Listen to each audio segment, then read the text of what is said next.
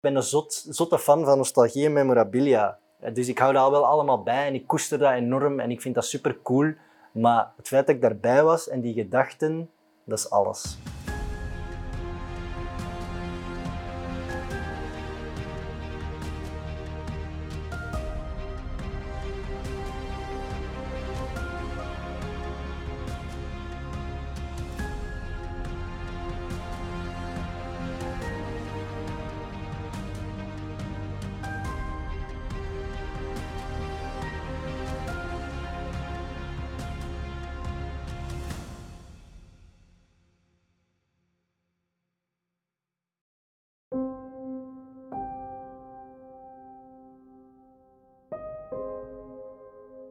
Welkom in Café Tilt.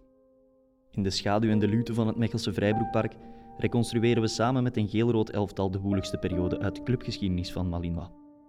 De redding. In een ultieme poging om de club te redden openen Mark Uiterhoeven, Fivanov en Pietenboer een rekening bij een bank. Daarop kan iedereen die wil helpen een bijdrage storten per schijf van 1000 euro. Sommigen kijken naar hun eigen portefeuille Anderen organiseren acties om geld in te zamelen. Ook de toen 16-jarige Evert Winkelmans en zijn maten trekken ten strijde. Ik denk dat we met, met acht waren. Ik ga ervan uit, we zijn met acht. Ik klop af op acht. Um, ik denk sowieso dat iedereen zijn zakgeld. Ik denk dat we in die weken bijna al ons zakgeld uh, apart hebben gezet. Dan waren die, die grappige stickers er. We hadden van alle stickers. We hadden zelfs stickers tegen de voetbalbond en zo. En die gingen we verkopen voor, voor heel lage bedragen. Niet voor uh, zotte lukverijen bedragen. maar uh, nee, we gingen stickers verkopen. Uh, deur aan deur gewoon gegaan.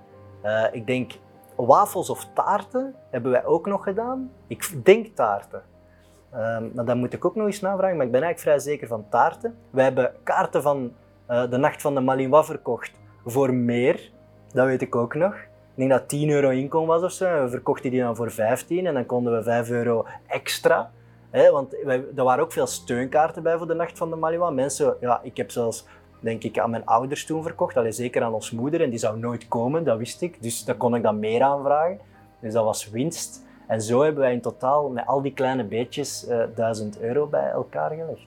Dat is eigenlijk niet zot, dat is eigenlijk iets heel klein, maar dat is eigenlijk gewoon van deur tot deur gaan. Want dat is heel mooi en ook vrij schaamtelijk tegelijkertijd. Want ik ben, ik ben eigenlijk redelijk introvert van mezelf en redelijk verlegen. Dus om bij mensen te moeten gaan aanbellen, om geld in te zamelen voor een voetbalclub, dat was wel een drempel waar je moest overzetten. Ik dacht, de mensen gaan mij uitlachen. Of de mensen gaan denken, dat is een leugen. Hè? Want ja, je hebt geen enkel... Je komt gewoon aanbellen en je zegt, ja, KV Mechelen gaat verdwijnen. Heb die iets om te geven?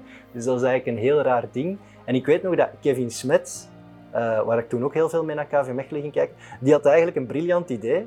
Die heeft toen aan Mark Uiterhoeven gevraagd om een briefje te schrijven waarop stond dat het wel degelijk was voor de reddingsactie van KV Mechelen. En dat bewijs was cruciaal in de zoektocht naar geld. Dan konden we eindelijk onze schijf overschrijven, want het moest per 1000 euro. En ik weet nog dat we toen wel zeiden bij die overschrijving, oh, ja, nu gaat die in orde komen. Als wij ook nog onze 1000 euro overschrijven, ja, want wij dachten wij zijn sowieso de allerarmste en allerlaatste die 1000 euro overschrijven, we waren 16, 17 jaar. Dus wij dachten, ja, als wij dat al doen, dan gaat dat een massa volk zijn dat dat heeft gedaan en wij gaan miljoenen hebben opge opgehaald.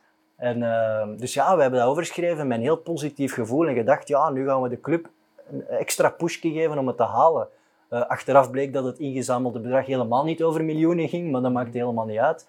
Maar wij waren wel bij die 1000 euro ervan overtuigd dat we mee het verschil konden maken. En dat is voor mij het enige gevoel dat telt. Wij hebben geen uh, ik weet het niet, we hebben geen tienduizenden euro's opgehaald, verre van. Dat ging over kleine bedragen. Maar wij wilden gewoon het gevoel hebben dat wij ook hadden geholpen. Ik zou, zou, ja, ik zou het keihard gevonden hebben en ik zou het mezelf waarschijnlijk heel lang schuldig gevonden hebben hadden we verdwenen en had ik niks gedaan. Want dan had ik altijd gedacht, ja wie weet, wie weet was die 500 euro of die 1000 euro die ik had kunnen verzamelen wel het verschil geweest. Het enthousiasme van de fans die 10 euro, 20, 50 euro hebben bijeengelegd om die 1000 euro schijven door te storten, dat enthousiasme heeft al de rest aangezwengeld. Dus je moet niet denken dat het van boven naar beneden is gegaan. Het is van beneden naar boven gegaan. Het zijn de fans die al de rest heeft overtuigd om mee te doen. het is gemakkelijk om te zeggen, ja, en dan kwam Scarlett en Netnet en wie weet. Die zijn alleen maar gekomen omdat al die zotte fans daar achter de kazerne van alles aan doen waren om geld in te zamelen. En dacht, shit, die club is populair, we moeten meedoen. Het is van beneden naar boven gegaan zonder al die kleine initiatieven leeft het ook niet. Hè. En het is wel waar, soms hoor ik zeggen, maar die kleine initiatieven die brengen toch niet veel op. Ik hoor hier achter mij daar juist zeggen dat de lichtstoet van Sint-Katelijne-Waver 120.000 oude Belgische franken heeft opgebracht. Dus om u maar te zeggen dat, het, dat, het, uh, dat de kleine en grote initiatieven even belangrijk zijn, maar dat die topinitiatieven uh, zoals dat mooie geschenk hier, dat dat natuurlijk meer de, de aandacht trekt. Op de Mechelse kerstjumping is er een paard verkocht ten voordele van KV Mechelen. Ik weet niet of dat, paard ooit een prijs heeft gewonnen, uiteindelijk. Ik denk het niet, maar... Maar ik denk dat dat voor, voor 7500 euro of zo is gegaan, uiteindelijk, dat paard. Ja, dat zijn wel direct stevige bedragen. Hè? En ik weet nog, er was een kalender met Wulps KV-supporters. ik heb die zeker gehad. Ik heb die zeker gehad, ja. Maar uh, jammer genoeg denk ik dat mijn moeder bij mijn verhuis in mijn hele doos van KV Mechelen gadgets van die periode heeft weggegooid. Maar die, die kalender, uh, dankzij Bertrand Peters, die hem wel nog had natuurlijk, uh, heb ik die over het laatst nog eens teruggezien. En ja, dat blijft interessante lectuur. Hè? En ik weet dat er daar heel veel van gedrukt waren. Dat weet ik nog. Ik weet nog dat die gast die dat initiatief had genomen, die had er echt superveel gedrukt.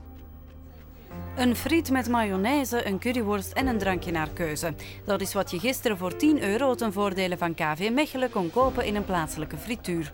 De uitbaatster wil zo haar steentje bijdragen in de strijd om KV van de dood te redden. KV Mechelen mag niet van het straatbeeld verdwijnen. Wij moeten dat in ere houden en alle kleine beetjes helpen.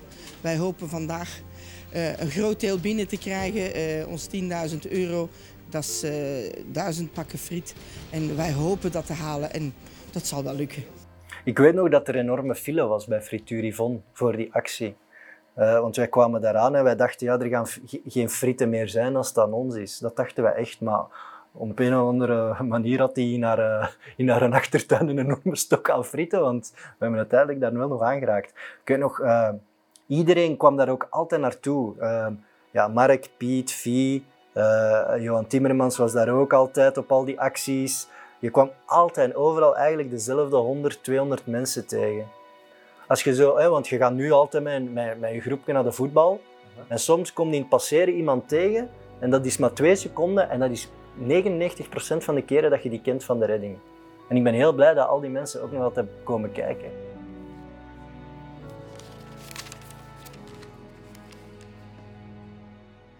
Ja, dat was, dat was een soort van trein die aan u passeerde.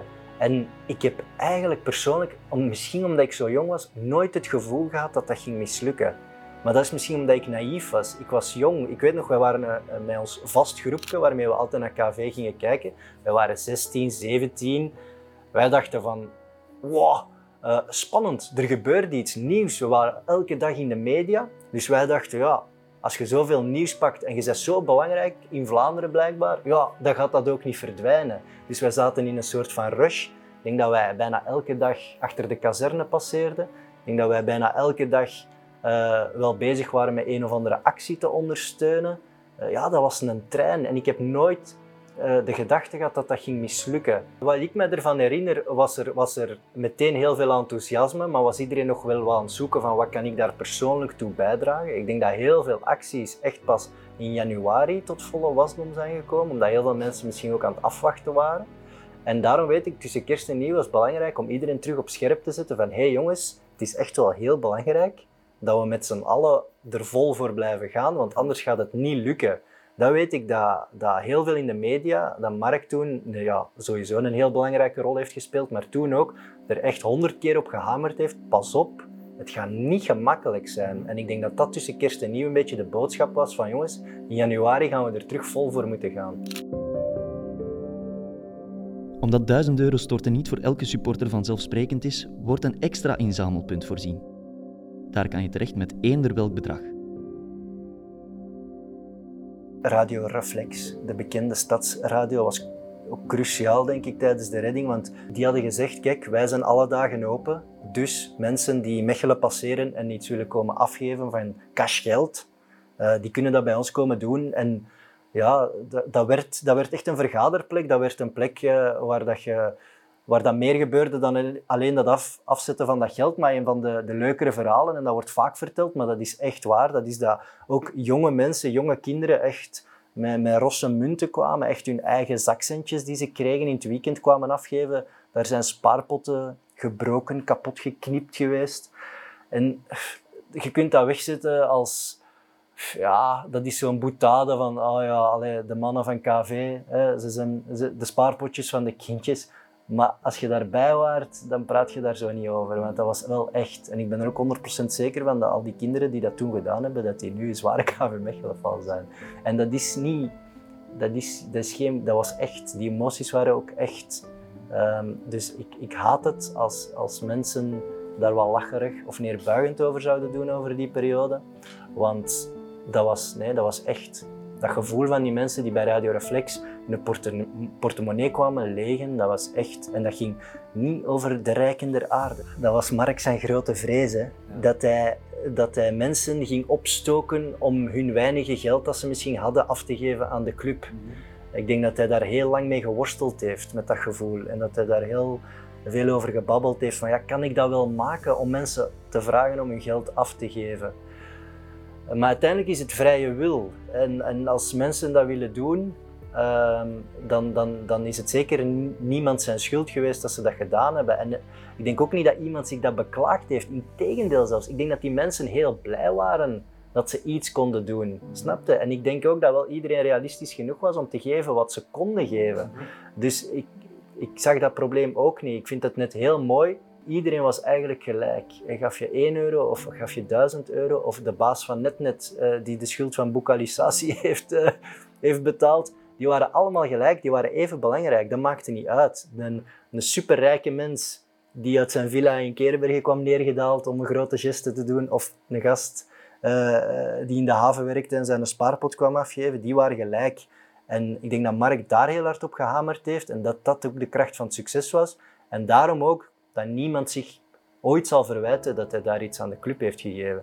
En dat er misschien een echtelijke ruzie was met kerst van, ja, geen kerstcadeaus dit jaar, want ik heb duizend euro aan de club gegeven. Dat is maar ruzie ene keer. Mhm. Dat is één jaar dat je ruzie hebt. Dat is ook het verhaal van de redding. Had dat zwaard van Damocles niet boven onze hoofden gehangen, dan was dat nooit zo'n unieke periode geweest. Dat was, allez, je mocht dat nu achteraf niet onderschatten, dat, dat was het feit. Als dat niet gelukt was, dan was KV Mechelen zoals het bestaat, met stamnummer 25, met de geschiedenis van de club, met, met de kleuren, met het stadion, dat was allemaal de vuilbak ingegooid geweest. Mensen mogen dat echt niet onderschatten, dat was wel degelijk de realiteit. En nu wordt achteraf makkelijk gezegd van ja, maar dat had misschien sowieso gelukt, of je had een ander stamnummer kunnen overnemen en dat was dan ook KV Mechelen geworden dat is totaal fout. Daar ben ik het helemaal niet mee eens. Dat maakt die periode zo uniek. Wij hebben die club zoals ze was gered en dat is nog altijd de club zoals ze in 1904 is opgericht. En dat maakt het zo uniek. Maar de twee belangrijkste redenen waarom dat we nu zo populair zijn, is nog altijd de Europese successen, maar ook de redding.